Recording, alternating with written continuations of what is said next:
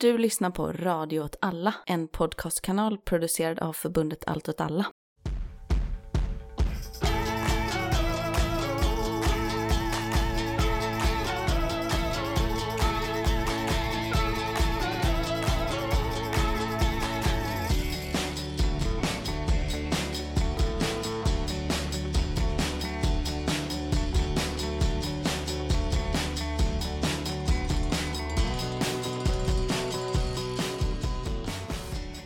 Hej och välkommen till Rörelse Udda krig och perspektiv. med mig Martin Hansson. Och med mig, Myran Andersson. Hur står det till med dig, Myran?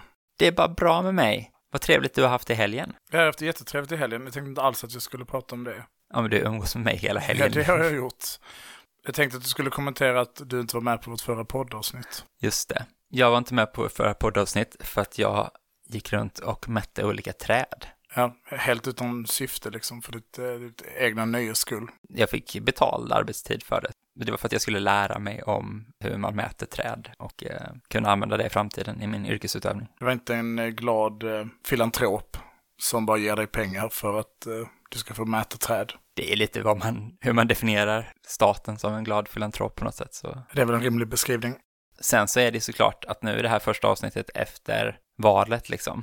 Och det ger ju en viss bitter eftersmak liksom. Ja, du tänker mycket på det. Ja, alltså nu slapp jag tänka så mycket på det eftersom jag mest gick runt i skogen dess, direkt veckan efteråt liksom. Men det är klart det känns surt så. Och verkligen inte för att man tycker att sossarna är någonting att hänga i väggen, men bara ett regeringsunderlag som bygger på SD är ju bara åt helvete liksom. Det kan man inte komma ifrån. Och man vet ju att många människor kommer drabbas direkt och liksom personligt av det. Det känns ju bara för jävligt.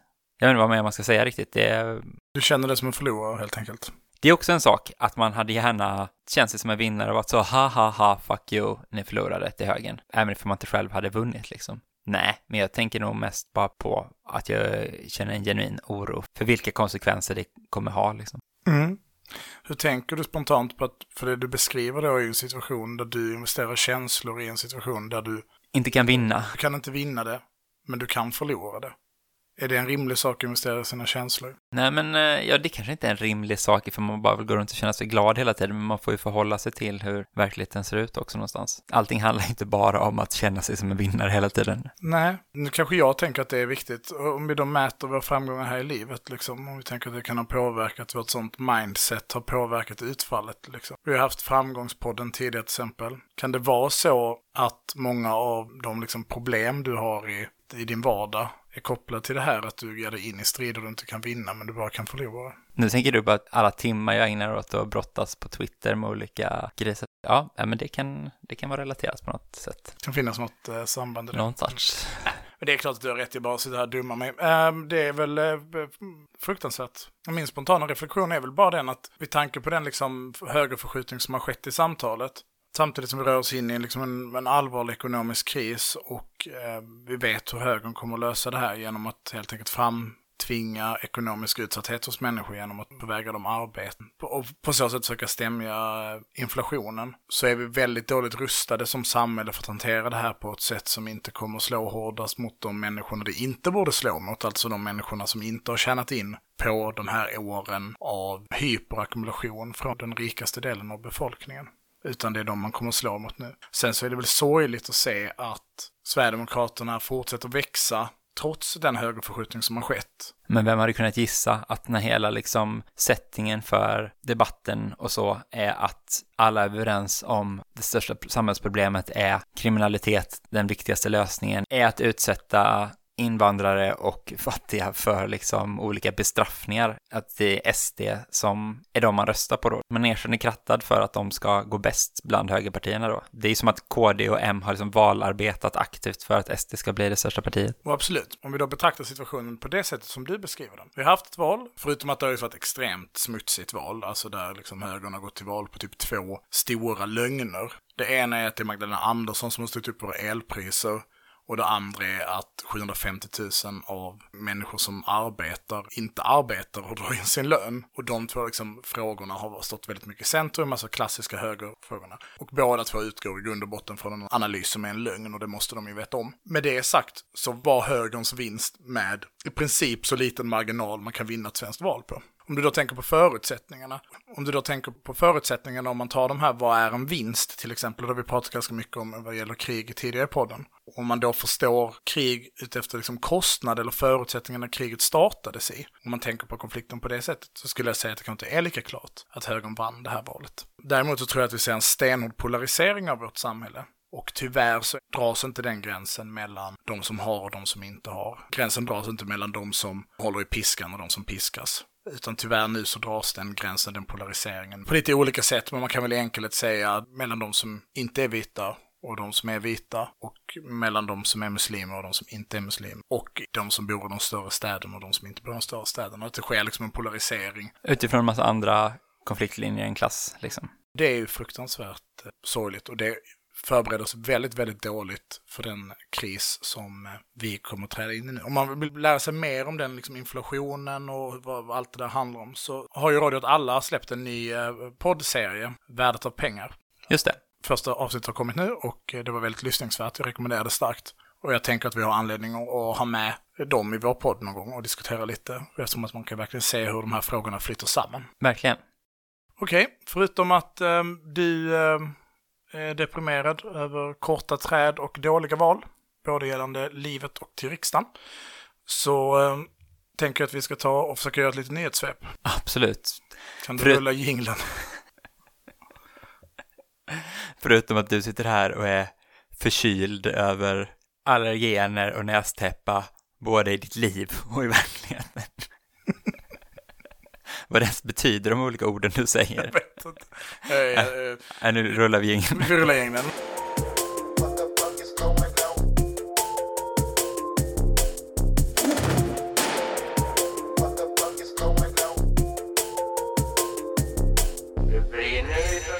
Den jävla trevlig jingel. Du, jag vill bara säga det. Vi har fått mycket kritik för att jag låtit så deprimerad de senaste avsnitten.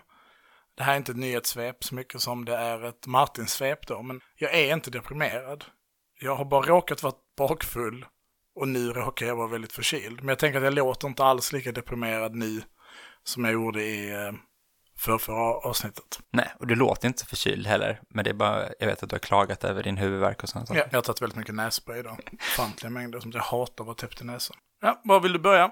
Ska vi köra lite Kirgizistan och Tadzjikistan? Ja, det kan vi väl göra. Jag har dålig koll på vad det är som har hänt där. Och överhuvudtaget kan man säga att det finns liksom lite olika nedslag som blir aktuella, som alla har att göra med CSTO, va? Heter det? Som är alltså det ryska NATO, ifall man säger som så. Och att liksom uppenbart när Ryssland är så militärt försvagat så öppnar det upp för olika kontroller som ligger liksom innanför deras, ifall man ska då kalla det deras sfär, eller liksom de länder i världen de på något sätt dominerar utrikespolitiskt. Där kan det bara hända saker för att deras stabiliserande effekt avtar liksom på något sätt. Så får vi väl tolka det senaste tidens uppblossande konflikter i det här området va?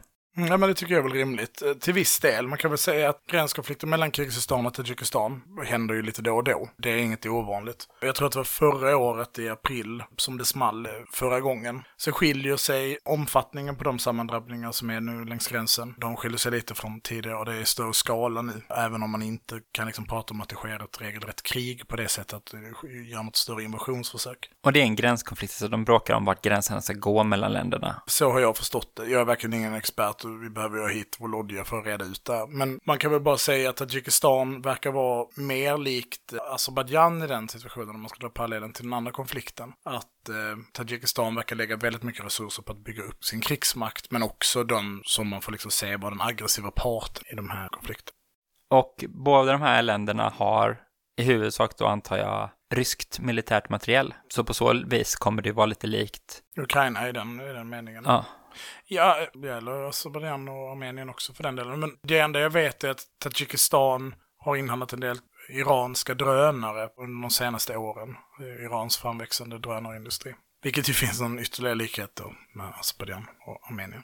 Men har vi inte så mycket att säga om det? Kanske vi ska gå vidare till Azerbajdzjan, Armenien? Ja, vi kanske bara ska säga att det händer. Och vi, jag håller väl liksom ögon på det, men man, det är mycket saker man ska hålla ögonen på nu. Azerbajdzjan har kört på Armenien ganska hårt på senaste också då, senaste veckan, något sånt. Två veckorna kanske. Och då har man, och förut har man mest slått om Nagorno-Karabach, men nu har man också anfallit över gränsen in i Armenien, är det riktigt? Precis, jag tror man kan väl förstå det som att det har skett beskjutningar från Azerbajdzjans sida längs hela kontaktlinjen. Sen har det varit massa snack om, om eh, azerbajdzjanska anfall. Och de själva har ju visat upp att de har tagit liksom lite höjder och så. Det tror jag framförallt gäller Nagorno-Karabach och eventuellt lite längre norrut. Jag tänker att man måste förstå det som händer inte så mycket som ett försök att göra en liksom, ny offensiv in i Nagorno-Karabach eller för den en ny offensiv, offensivt krig mot Armenien. Utan det är tydligare att det som händer är någon typ av signalpolitik. Jag vill bara passa på att säga det när vi ändå pratar om konflikten och det är väl att det har cirkulerat fruktansvärda övergrepp som Azerbajdzjan har utfört gentemot armeniska soldater på ett sätt som ju också beskriver hur fruktansvärt liksom, djup den här konflikten är. Den typ av våld man sällan ser mellan statliga konflikter utan mer kanske vanligt förekommande i inbördeskrig och så. Där man liksom kroppsstympningar, hugger huvudet av folk, Tortyr på olika sätt. Tortyr, ja, och liksom förnedring. Och inte bara det, utan att man utför det, men att man också liksom dokumenterar det och sprider det. Mm. Det är en del av propagandan liksom. Ja, och vilket ju då talar för vilken nivå av legitimitet den typen av handlingar har bland befolkningen. Att det inte liksom på automatik innebär att någon grips och ställs inför rätta. För man väldigt lätt av de filmerna jag tyvärr har sett kunnat identifiera vilka förband det handlar om. Ja, ja det är fruktansvärt såklart. Men du ser inte något att det liksom nästa steg är ett storskaligt anfall här någonstans, utan att det är signalpolitik för att man vill uppnå att liksom Armenien drar sig ur? Eller vad, vad tänker du är syftet? Det, var något, det började något med att de hänvisar till att Armenien har minerat områden liksom. Men det måste vara större än att man vill ha stopp på det liksom. Att det... Ja, men det kan det ju vara att man liksom tar en förevändning för att slå mot armensk eh, infrastruktur och eh, bearbeta slagfältet, men också liksom visa upp eh, sin kapacitet för att på så sätt liksom minska den armenska stridsmoralen. Det är väl som är tydligt är att Armenien inte verkar ha gjort några liksom... Förberedelser utifrån liksom att de har lärt sig en läxa från förra konflikten. Nej. Det förra utbrottet. Och om du minns vad vi pratade om då, nu är det länge sedan, för det är två år sedan det här kriget var, men när vi pratade om, om Nagorno-Karabach-konflikten så sa man att det är tydligt att det är Azerbajdzjan som även då hade liksom haft en adaptiv process och tagit lärdomar av de konflikterna som hade skett tidigare.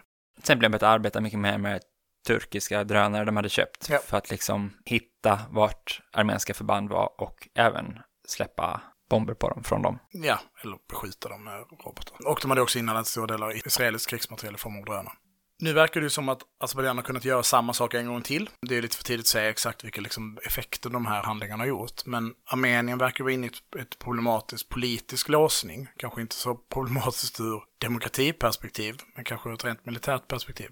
För den sittande presidenten i Armenien är ju ett resultat av deras färgrevolution. Och man har väl förstått som att det finns ganska stora spänningar mellan hans rörelse och den liksom historiskt dominerande politiska kraften, vilket har nära koppling till militären det skapar också en ganska stor liksom, politisk instabilitet i Armenien. Att den rådande presidenten inte kan liksom garantera Armeniens nationella suveränitet. Och den liksom antiryska stämningarna i Armenien stärks ju också av den här situationen. Eftersom att Ryssland då inte kan hjälpa Armenien.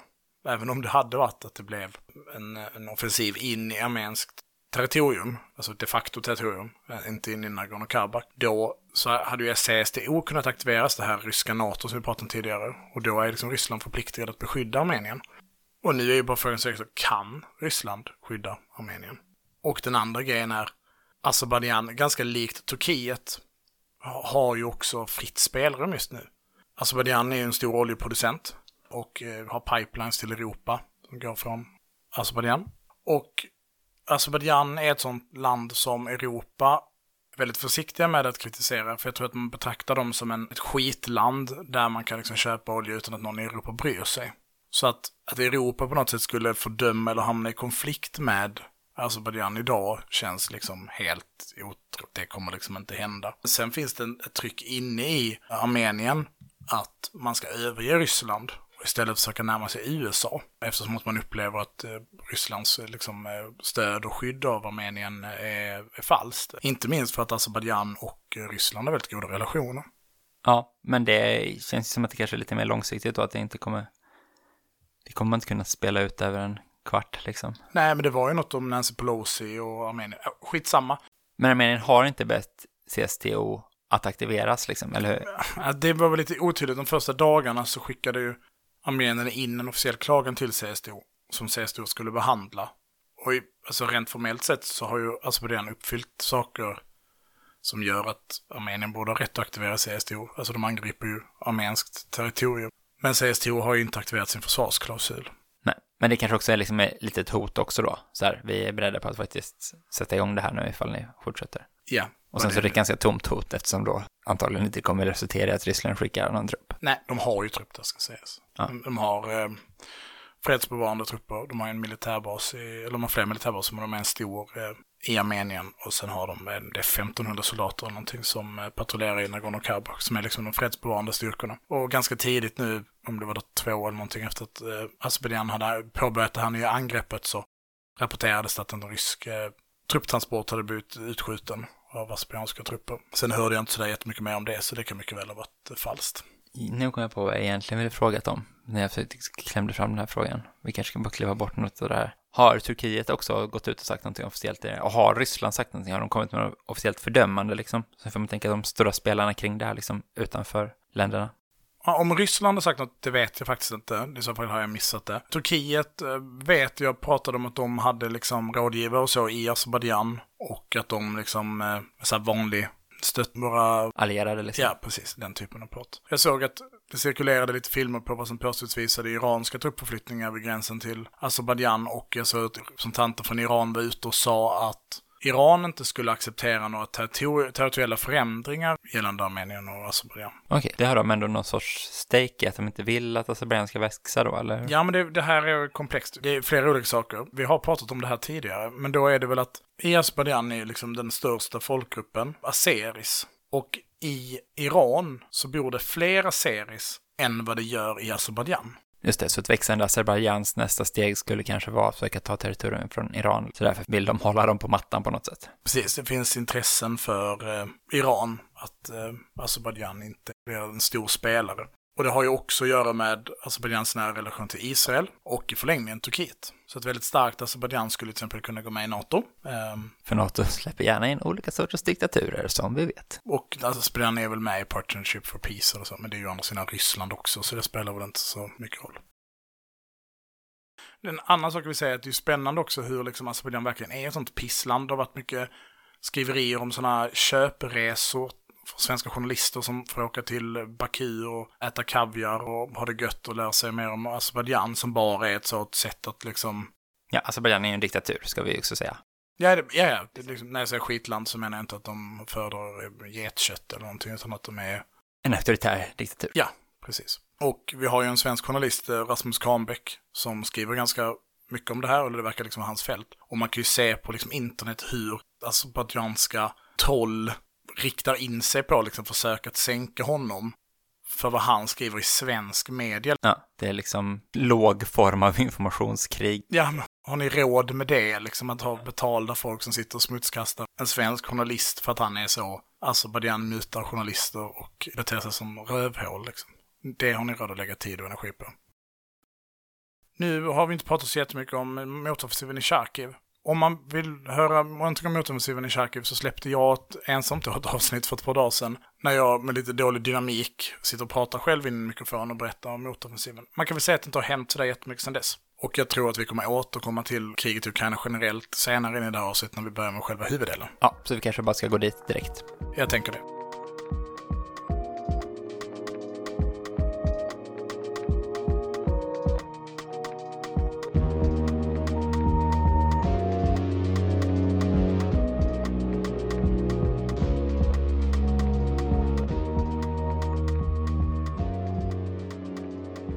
Inne i Vietnam, några mil öster om gränsen till Laos, har USA valt att bygga en så kallad Fire Support Base.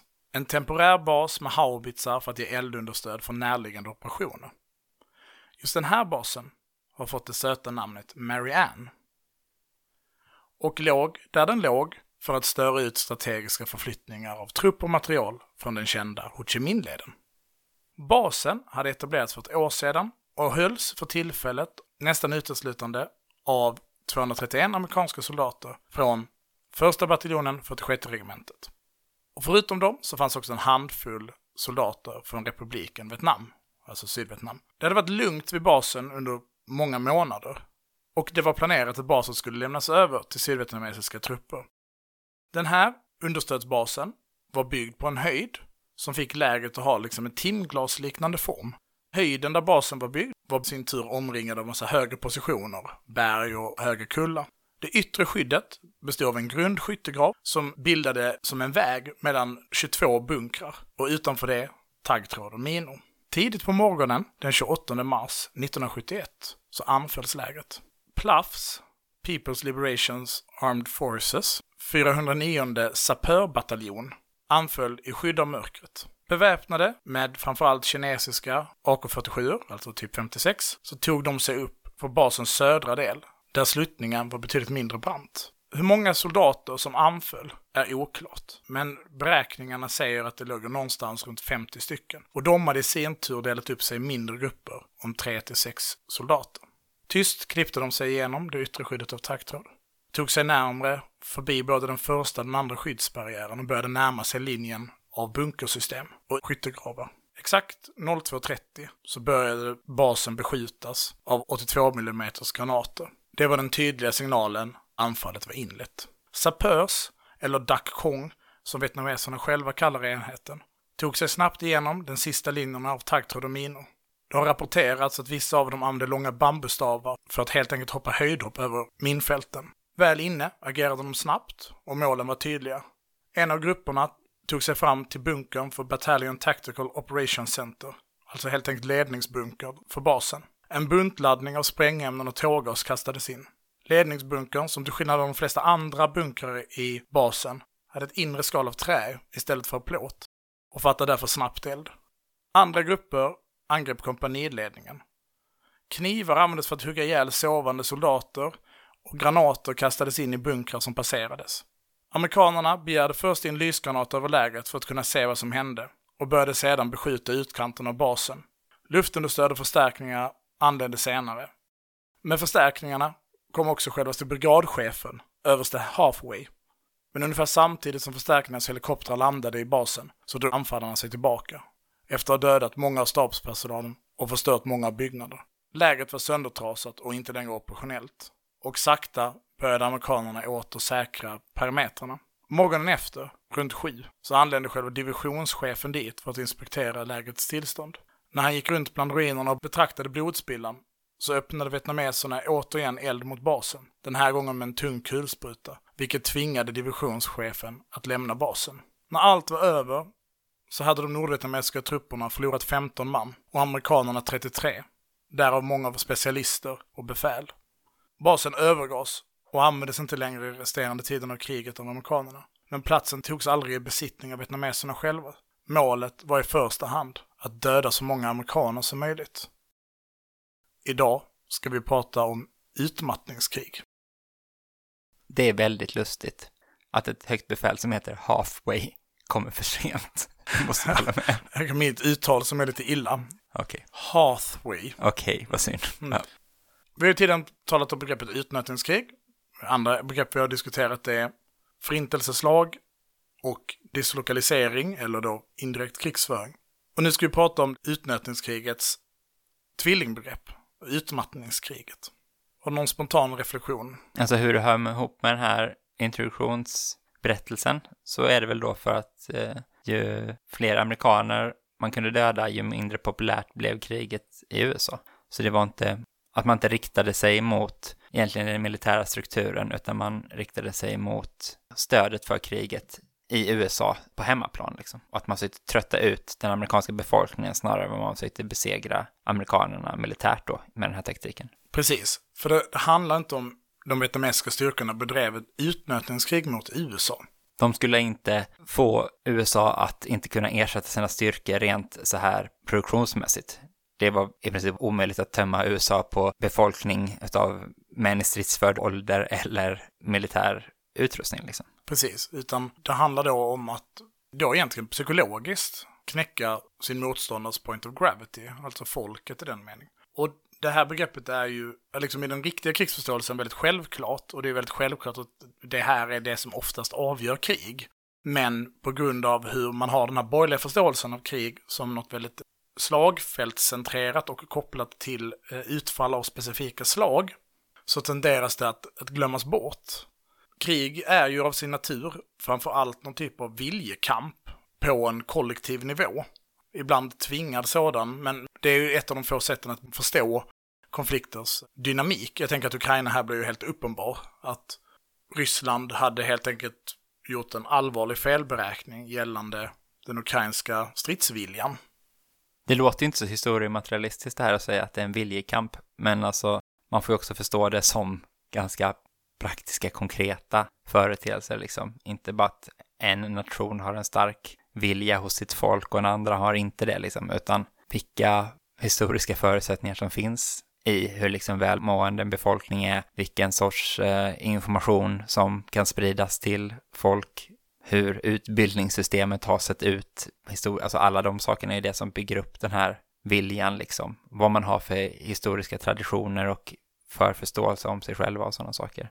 För precis som i utnötningskriget och kanske alla former av krig så ligger ju fördelen till försvarare i utmattningskriget något enormt. Alltså den stridsvilja som finns hos den angripne är historiskt sett nästan alltid, det finns undantag, betydligt starkare än den angripande parten. Får man titta lite vad som händer i USAs vilja om Vietnamkriget så kan man ju se då att det är kopplat till självklart både de liksom, ekonomiska kostnaderna som kriget innebär för landet men också mest troligt den psykologiska kostnaden. Trauma och sorg och förståelse av vad kriget är för något. Under hela kriget så genomför Gallup undersökningar hur amerikaner betraktar kriget om man är för eller emot det. De ställer en fråga som är formulerad, var det ett misstag att bli inblandad i Vietnamkriget? Och ska man svara ja eller nej på den? Ja. Och ett nej då innebär ett stöd för Vietnamkriget, att det inte var ett misstag att blanda sig i kriget. 1965, när USA på riktigt blandar sig i Vietnamkriget med ordentliga egna boots on the ground, så svarar 66 procent att det inte var ett misstag att blanda sig i kriget. Året därefter, 1966, då har stödet sjunkit till 49 procent. 67 är det på 44. Och innan 67 var slut så var den siffran nere på 39 procent. Och efter Tet-offensiven 1968, då är svaret nere på 29 procent. Vad sa du, 66 till 29, det är mer än en halvering. Precis, på tre år. Och från en majoritet till en minoritet som Mm. säger att det är rätt att vara där. Och under de här tre åren så kan man säga att USA inte har förlorat en enda militär konfrontation.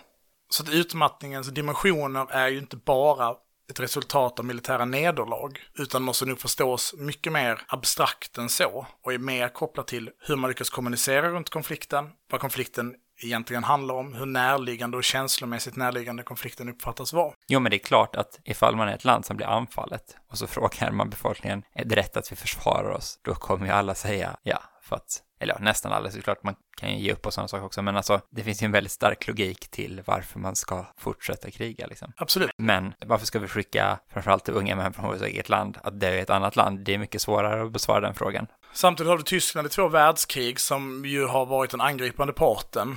Med stort stöd i befolkningen. Precis. Eh, Och där kan man, kan man ju ta Tyskland som ett exempel för att titta på utmattningskrigets dimensioner. Nu har vi pratat om gerillakrig, som ju både kan ta sig uttryck som en typ av utnötningskrig, då oftast som ett komplement till ett konventionellt krig, ska vi sägas, där man mer kan prata om det som en gerillataktik. Och så kan vi titta på Vietnamkriget då specifikt, eller det andra Indokina-kriget, eller Indokina-krigets amerikanska fas, där det framförallt gentemot USA handlade om ett utmattningskrig.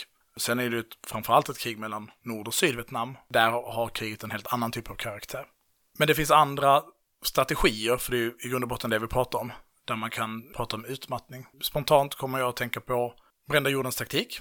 Alltså att mot den anfallande parten skapa ett så ogästvänligt, ogästvänlig terräng att eh, soldaterna helt enkelt inte orkar strida längre. Man kan se terrorbombningarna av Tyskland, som ju både, och här är ju hur de här begreppen smälter samman, men båda hade dimensionen av ett utnötningskrig, alltså att man vi ska förstöra den tyska produktionen så att de inte kan ersätta sina förluster. Men jag menar samtidigt att man måste betrakta det som ett försök för den tyska befolkningen att inte vilja fortsätta kriget. USA till exempel genomför ju det som kallas för Doolittle-räden, alltså när de flög eh, medeltunga bombflyg och släppte bomber över Tokyo med det uttalade syftet att liksom visa för den japanska civilbefolkningen att det här kriget kommer drabba er också.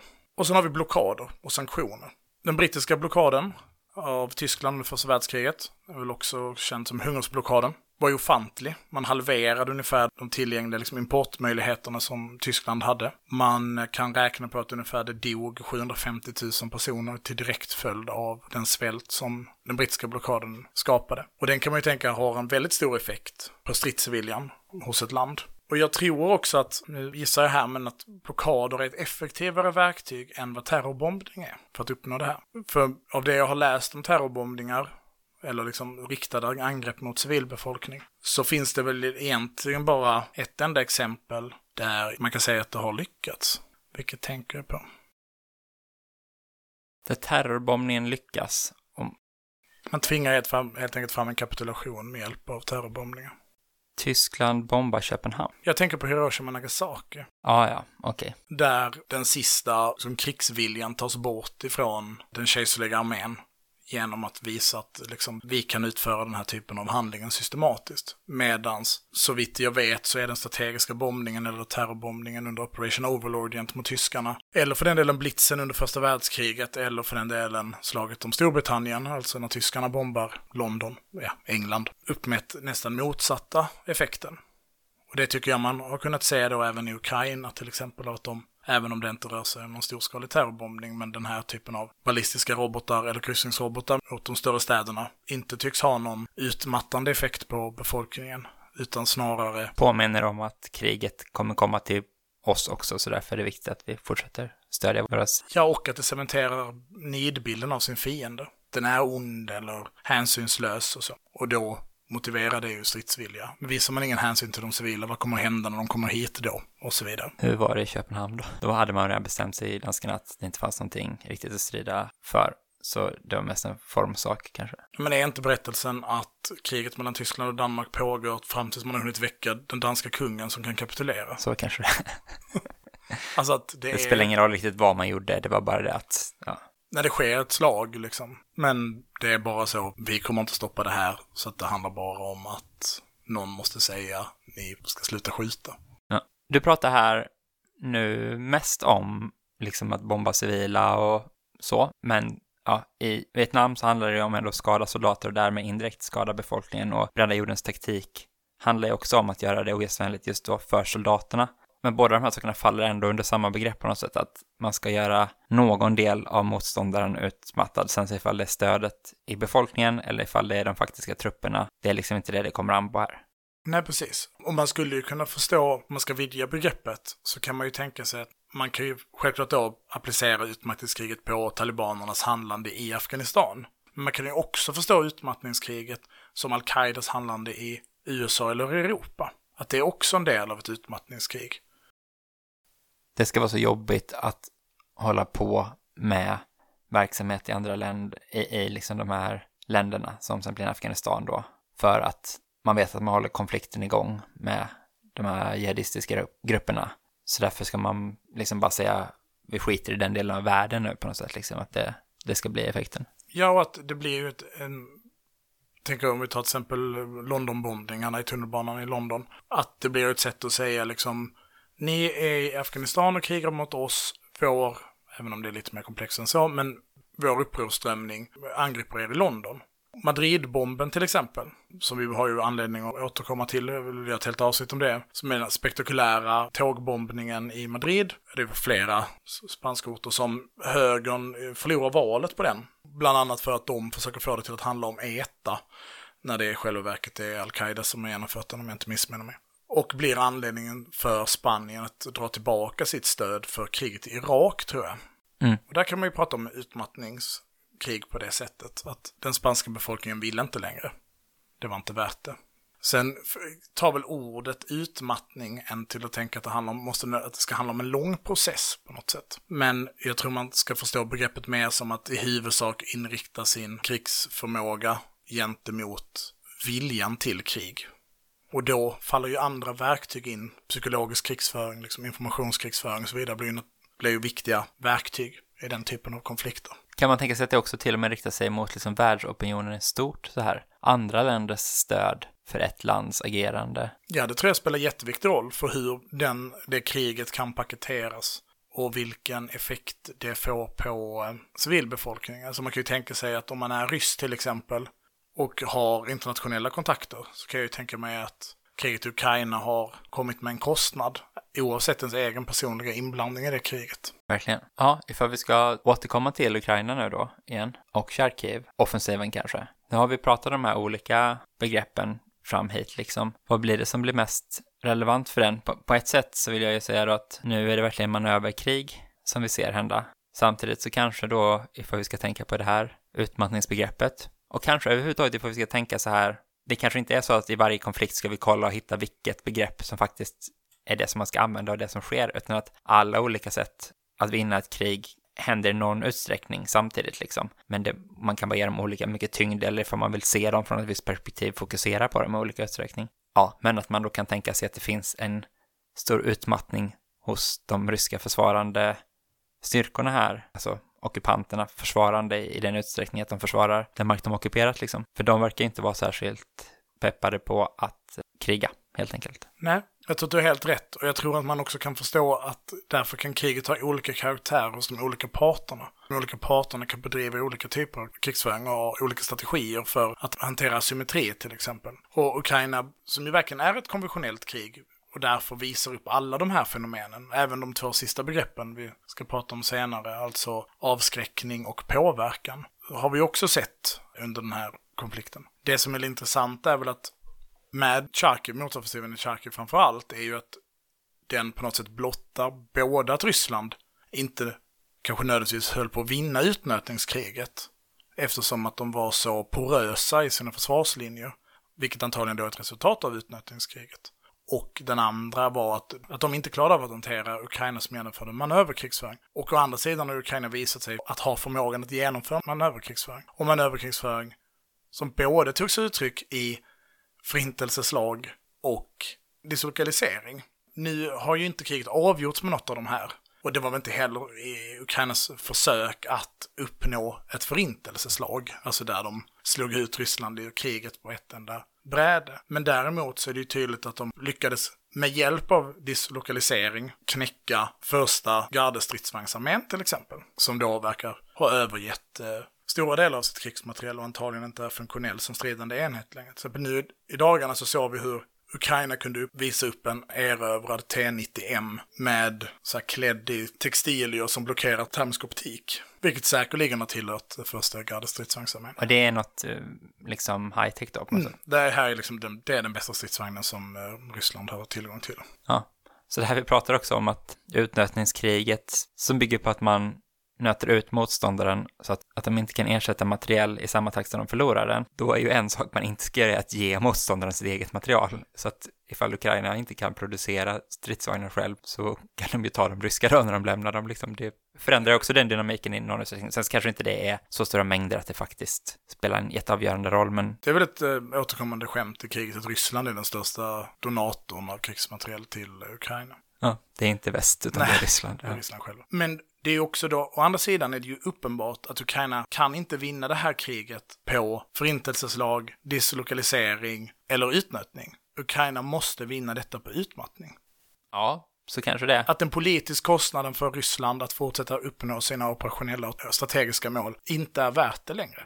För att annars kommer vi till det här, ja okej, okay, låt säga Ukraina slår tillbaka Ryssland till territoriet innan 24 februari. Tar kriget slut då? Rimligtvis inte. Nej. Kan Ryssland fortsätta mata in soldater i den här konflikten med nya årskullar varje år Ja, troligtvis. Det, det som ska stoppa det från att hända är ju utmattning. Det finns ju inget fysiskt stopp för det, utan det är just att man inte vill det så, i sådana fall. Och det tror jag bara kan uppnås genom att den politiska kostnaden för Putin, för regimen i, i Moskva, blir för stor. För att befolkningen inte vill längre. Jag kan inte se ett annat slut Ukraina kan inte anfalla Moskva och avsätta Putin-regimen. Och det verkar ju heller inte räcka att inta Moskva. Nu kan ju fråga Napoleon. Det vinner man inte kriget på. Så det finns ju uppenbart redan begränsningar för vad Putin är beredd på att göra för att vinna det här kriget. Det har inte skett någon mobilisering till exempel och så vidare. Sanktionerna går ju att förstås som blockader vilket påverkar civilbefolkningens stridsvilja. Men liksäckar är antagligen det som har störst inverkan på folkviljan. Och då kommer man väl ner då på militärteoretiskt frågan,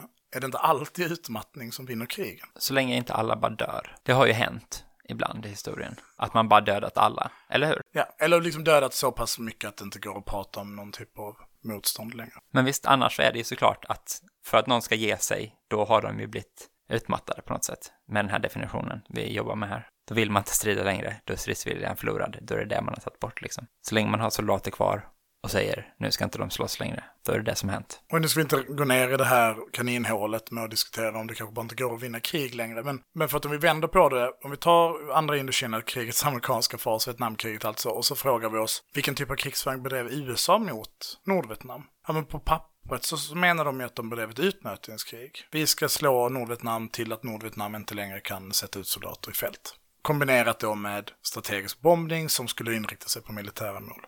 Uppenbart hade ju Nordvietnam stridsvilja fram tills kriget vanns. Och uppenbart kunde USA inte, utan att liksom invadera Nordvietnam, och det var man inte intresserad av på grund av rädsla från att Kina la sig i. Så då är ju frågan om inte USA också bara bedrev ett utmattningskrig, som de trodde var ett utmattningskrig. Till en punkt där det skulle vara så låg stöd för kriget i Nordvietnam att de bara skulle gå med på att Vietnam var delat då liksom. Mm. Men då kan man väl kanske avsluta då med att dra det här gamla citatet av Ho Chi Minh. När han säger att även om det dör 20 av våra soldater för varje enskild soldat vi dödar av er så kommer ni tröttna först. Säger du och så ser du väldigt tveksam ut ifall det verkligen var det han sa. Nej, vi kanske kan låta citatet vara så. Okej, nu säger jag på klockan att det är dags att avsluta. Du ser på klockan, jag känner det i magen. Vi eh, tackar för att ni har lyssnat så här långt och säger som vanligt att eh, man kan följa oss på olika sociala medier, däribland Instagram, där det finns ett konto som inte vi personligen sköter, men som är poddens konto, som heter eld.och.rorelse. Tack till kamraten som alltid gör schyssta uppdateringar där. Vi finns på Facebook, då har vi en Facebook-page som heter Eld och rörelse. Vi försöker svara på kommentarer som folk lämnar kring avsnitten och så där.